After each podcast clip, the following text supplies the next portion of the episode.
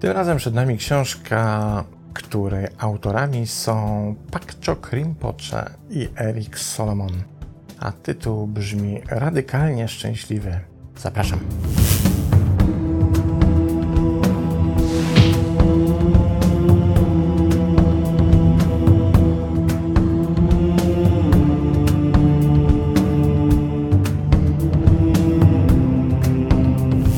Zanim przyjrzymy się, kim są autorzy książki, jedna chyba istotna rzecz, jak dla mnie. Książka nie jest ani specjalnie stara, bo pochodzi z 2018 roku, ani specjalnie nowa, ale gdybym kiedykolwiek mógł decydować o tym, co powinno znaleźć się w kanonie lektur szkolnych, na przykład w liceum, to tą książkę w tym kanonie lektur umieściłbym na pewno, bo dotyczy niezwykle ważnych rzeczy. I druga rzecz istotna, to to, że proszę sobie wyobrazić, że wstęp i przedmowę do tej książki napisał Goleman i to nie sam, bo wraz ze swoją żoną.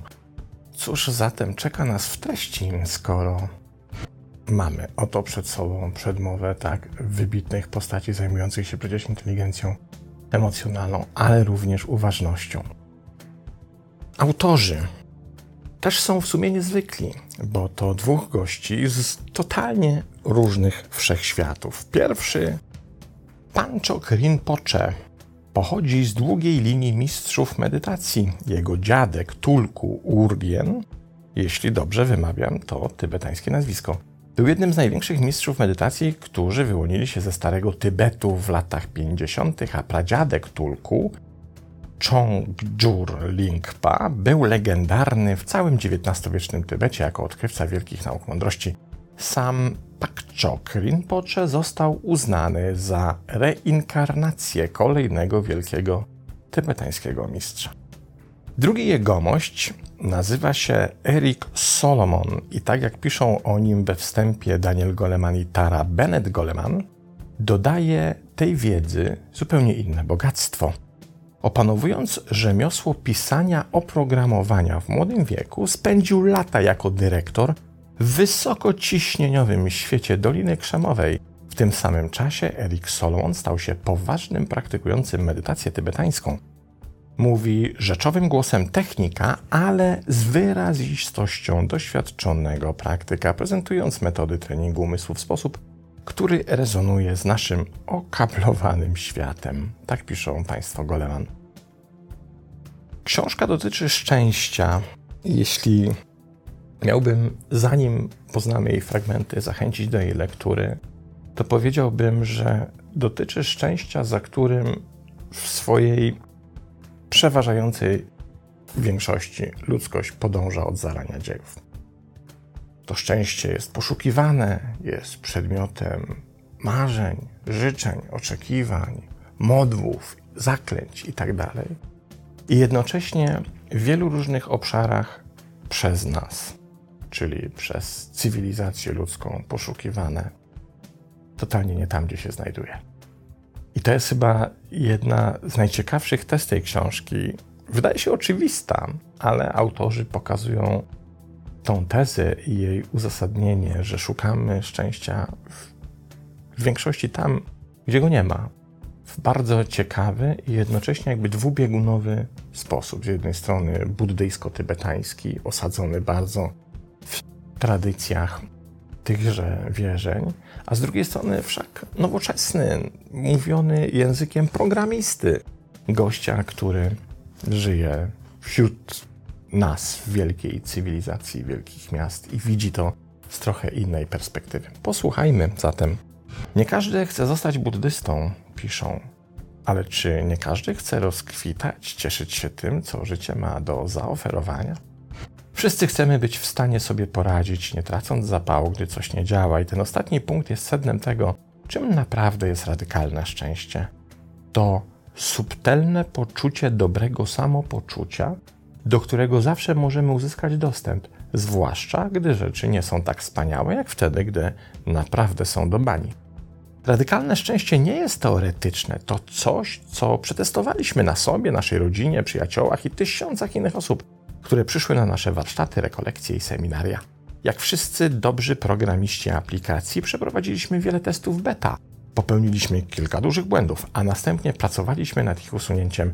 Pomogło nam to wymyślić, jak sprawić, by proces opanowania naszego umysłu był czymś, co każdy może zrobić i się nim cieszyć. I tutaj mamy od razu kolejny cytat z grubej rury. Posłuchajmy pewnych badań, które pojawiają się na początku książki. Otóż autorzy mówią, że w 1978 roku pewne badanie porównywało poziom szczęścia 29 paraplegików, czyli osób dotkniętych porażeniem dwukończynowym, czyli takich, które zostały na skutek jakiegoś zdarzenia losowego, wypadku unieruchomione na wózkach i najprawdopodobniej unieruchomioni będą do końca życia, oraz 22 zwycięzców loterii, czyli takich osób, które wygrały spore sumy w grach losowych. Początkowo badacze odnotowali poprawę ogólnego poczucia szczęścia u zwycięzców loterii i oczywiście, co wydaje nam się logicznie, proporcjonalne zmniejszenie szczęścia u paraplegików. Jednak już po roku poziom szczęścia w tych dwóch grupach powrócił do poziomu sprzed wydarzenia. Innymi słowy, nie było dostrzegalnej różnicy w poziomie szczęścia między tymi dwiema grupami, pomimo skrajnych różnic w warunkach zewnętrznych. Wyobraźmy to sobie. Rok od wydarzenia, w którym ktoś traci władzę w nogach, jego szczęście jest na poziomie dokładnie takim samym, jak rok od czasu, w którym ktoś wygrywa miliony w lotto. To szczęście się wyrównuje. I stąd jakżeż śmiała i zachwycająca teza autorów, że szczęście tak naprawdę zdaje się, że nie zależy od naszej sytuacji, nie zależy od naszego środowiska, od naszego stanu posiadania. Posłuchajmy dalej. Gdybyśmy oglądali film z naszego życia zawierający wewnętrzny dialog toczący się w naszym umyśle, byłoby dla nas jasne, że w głębi duszy wierzymy, że niemożliwe jest znalezienie szczęścia bez powtarzania niekończącego się cyklu, który wygląda mniej więcej tak: poszukiwanie komfortu i przyjemności oraz wytężona praca, by uniknąć katastrofy. Chwilowa ulga lub jej brak i ponowne szukanie tego samego. To kolejna zagadka. Tak ciężko pracujemy, aby stworzyć przyjemne okoliczności, aby jeśli i kiedy w końcu je osiągniemy, dowiadujemy się, że okoliczności są ze swej natury ulotne i niestabilne. Zagadka szukania szczęścia sprowadza się do tego, w poszukiwaniu szczęścia łatwo możemy skończyć z jeszcze większą frustracją i niezadowoleniem. W 2010 roku badanie na temat tego, co sprawia, że jesteśmy szczęśliwi, wykazało, że ludzie są najszczęśliwsi, gdy są całkowicie pochłonięci chwilą obecną, a nie wędrującymi myślami. W rzeczywistości nauka popiera następujące nieintuicyjne twierdzenie: stanowcze i uważne umiejscowienie siebie w tym, co jest obecne, bez względu na to, co to jest, jest ściśle związane z prawdziwym szczęściem. Czyż nie jest to dość radykalna rzecz do rozważenia? No zobaczmy. Przecież tak naprawdę gro osób utożsamia poczucie swojego szczęścia z jakimś osiągnięciem. Będę szczęśliwy, jak uda mi się ożenić z Anką. Będę szczęśliwy, jak uda mi się kupić ten samochód. Będę szczęśliwy, jak zbuduję dom, spłodzę syna. Wiem, będę szczęśliwy, kiedy coś się wydarzy. Po czym to się wydarza? Jest chwila takiej rzeczywistej radości, bo się cieszymy przez chwilę z tego, że to się wszystko wydarzyło, a potem ta krzywa szczęścia opada. Wszystko zaczyna powszechnieć. Anka już wydaje się nie aż tak mm, niedosiężna i przepełniająca szczęściem wyobraźni, jak w rzeczywistości. Dom wcale nie jest taki wygodny, trzeba spłacać raty kredytu, samochód wcale nie jest taki śliczny i tak dalej, i tak dalej. Możemy to wymieniać w nieskończoność. A zatem, szukając szczęścia na przykład w otoczeniu, w tym, czym się otaczamy, niezależnie od tego, czy to są przedmioty, czy to są nasze relacje, czy to są sytuacje, zawsze wpadniemy w tę pułapkę opadania tej krzywej szczęśliwości. To jest po prostu nieuniknione. Autorzy twierdzą, dlatego, że nie szukamy szczęścia we właściwym miejscu. Tego szczęścia tam nie ma, to jest tylko iluzja szczęścia. To jest taki pęcherzyk, balonik, który pyka bardzo szybko. Szczęście jest zupełnie gdzie indziej. Szczęście to rodzaj naszej postawy. To jest coś, co dzieje się w naszej głowie, ale ono jest możliwe do doświadczenia wyłącznie tu i teraz. I niespodzianka, niczego do tego szczęścia nie potrzebujesz. Wystarczysz ty sam, ty sama.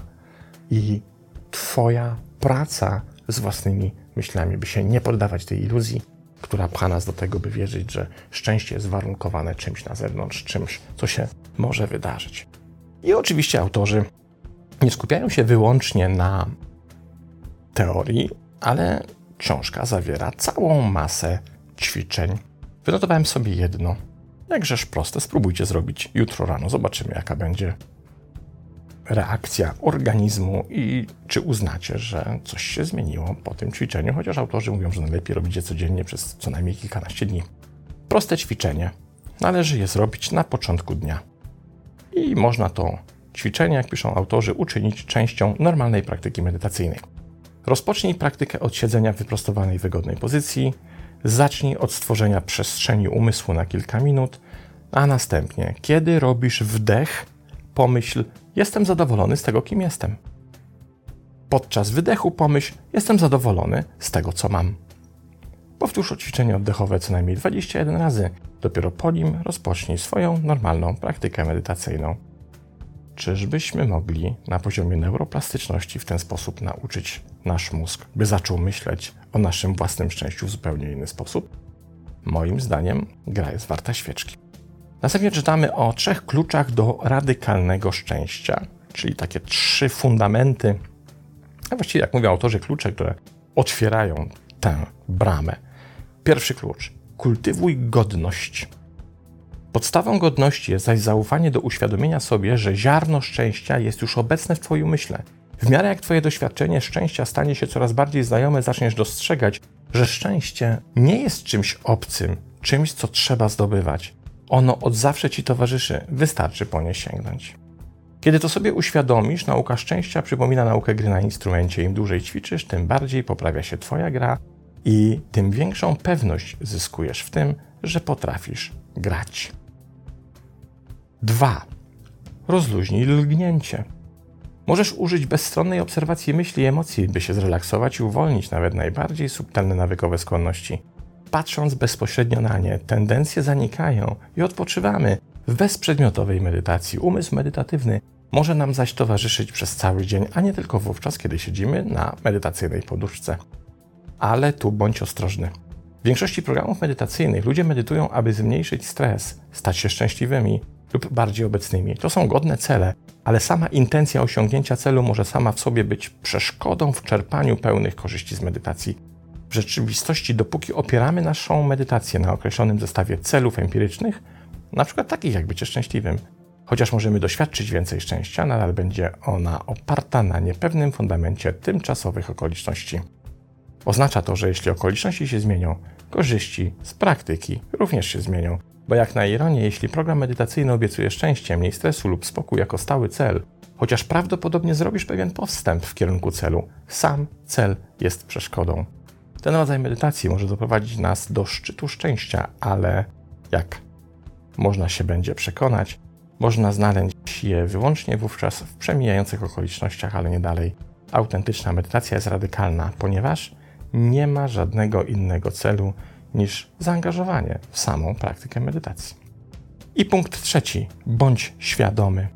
Zwracamy naszą uwagę bezpośrednio na rzucającego kamieniami, czyli taką rozumną cechę umysłu, która właśnie dokonuje na nas takie ataki jak rzucanie kamieniami.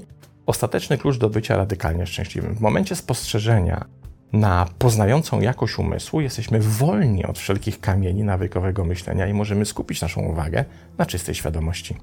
Potrzebujemy siły uważnej świadomości medytacji, aby ustabilizować miłość i współczucie, tak, aby zaczynały rosnąć w każdej sytuacji. A wtedy pojawia się szczęście, bo nasz egocentryczny sposób myślenia całkowicie się rozpuścił. Oni mówią: traktuj to, co się dzieje w Twoim umyśle, łącznie z marzeniami o szczęściu, jak pisanie palcem po wodzie. Jeśli nawet coś napiszesz palcem po wodzie, to to trwa tylko chwilę i znika, bo z samej swej natury jest pisaniem palcem po wodzie. Szczęście nie leży gdzieś w przyszłości, nie leży gdzieś na zewnątrz nas, nie leży w tym, byśmy coś osiągnęli, coś zdobyli. byśmy się jakoś poczuli specjalnie w nasz życzeniowy sposób. Szczęście, jak piszą autorzy, jest w nas, tylko trzeba po nie po prostu sięgnąć. I pomyślałem sobie na koniec tej lektury, że polecę Wam moje własne ćwiczenie szczęścia. Może skorzystacie i może Wam się spodoba. Ćwiczenie nazywa się to spacer pustych kieszeni. Po prostu dzisiaj, zacznij od teraz, jeśli chcesz spróbować, czyli dzisiejszego wieczora, czy też popołudnia, kiedy już Twoje obowiązki będą poza Tobą, wybierz się na spacer. Nie krótszy niż godzinny, ale też nie specjalnie dłuższy. Godzina w zupełności wystarczy. I wybierz się na ten spacer w taki sposób, by mieć puste kieszenie. By nie mieć torebki, żadnej portmonetki, portfela, saszetki, czegokolwiek innego. Pusto, żadnej karty kredytowej, żadnych wykrywaczy metali, żadnych noży, scyzoryków, czegokolwiek tam sobie nie nosisz w twojej przepasnej torbie czy plecaku. Po prostu idź z pustymi kieszeniami, bez telefonu, bez żadnych tego typu urządzeń.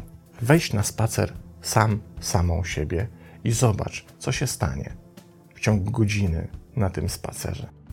Kiedy masz puste kieszenie, to tak naprawdę zamiast tego, co zazwyczaj zabierasz na spacer w swoich kieszeniach, właśnie na spacer zabrałaś samą siebie, czy też samego siebie.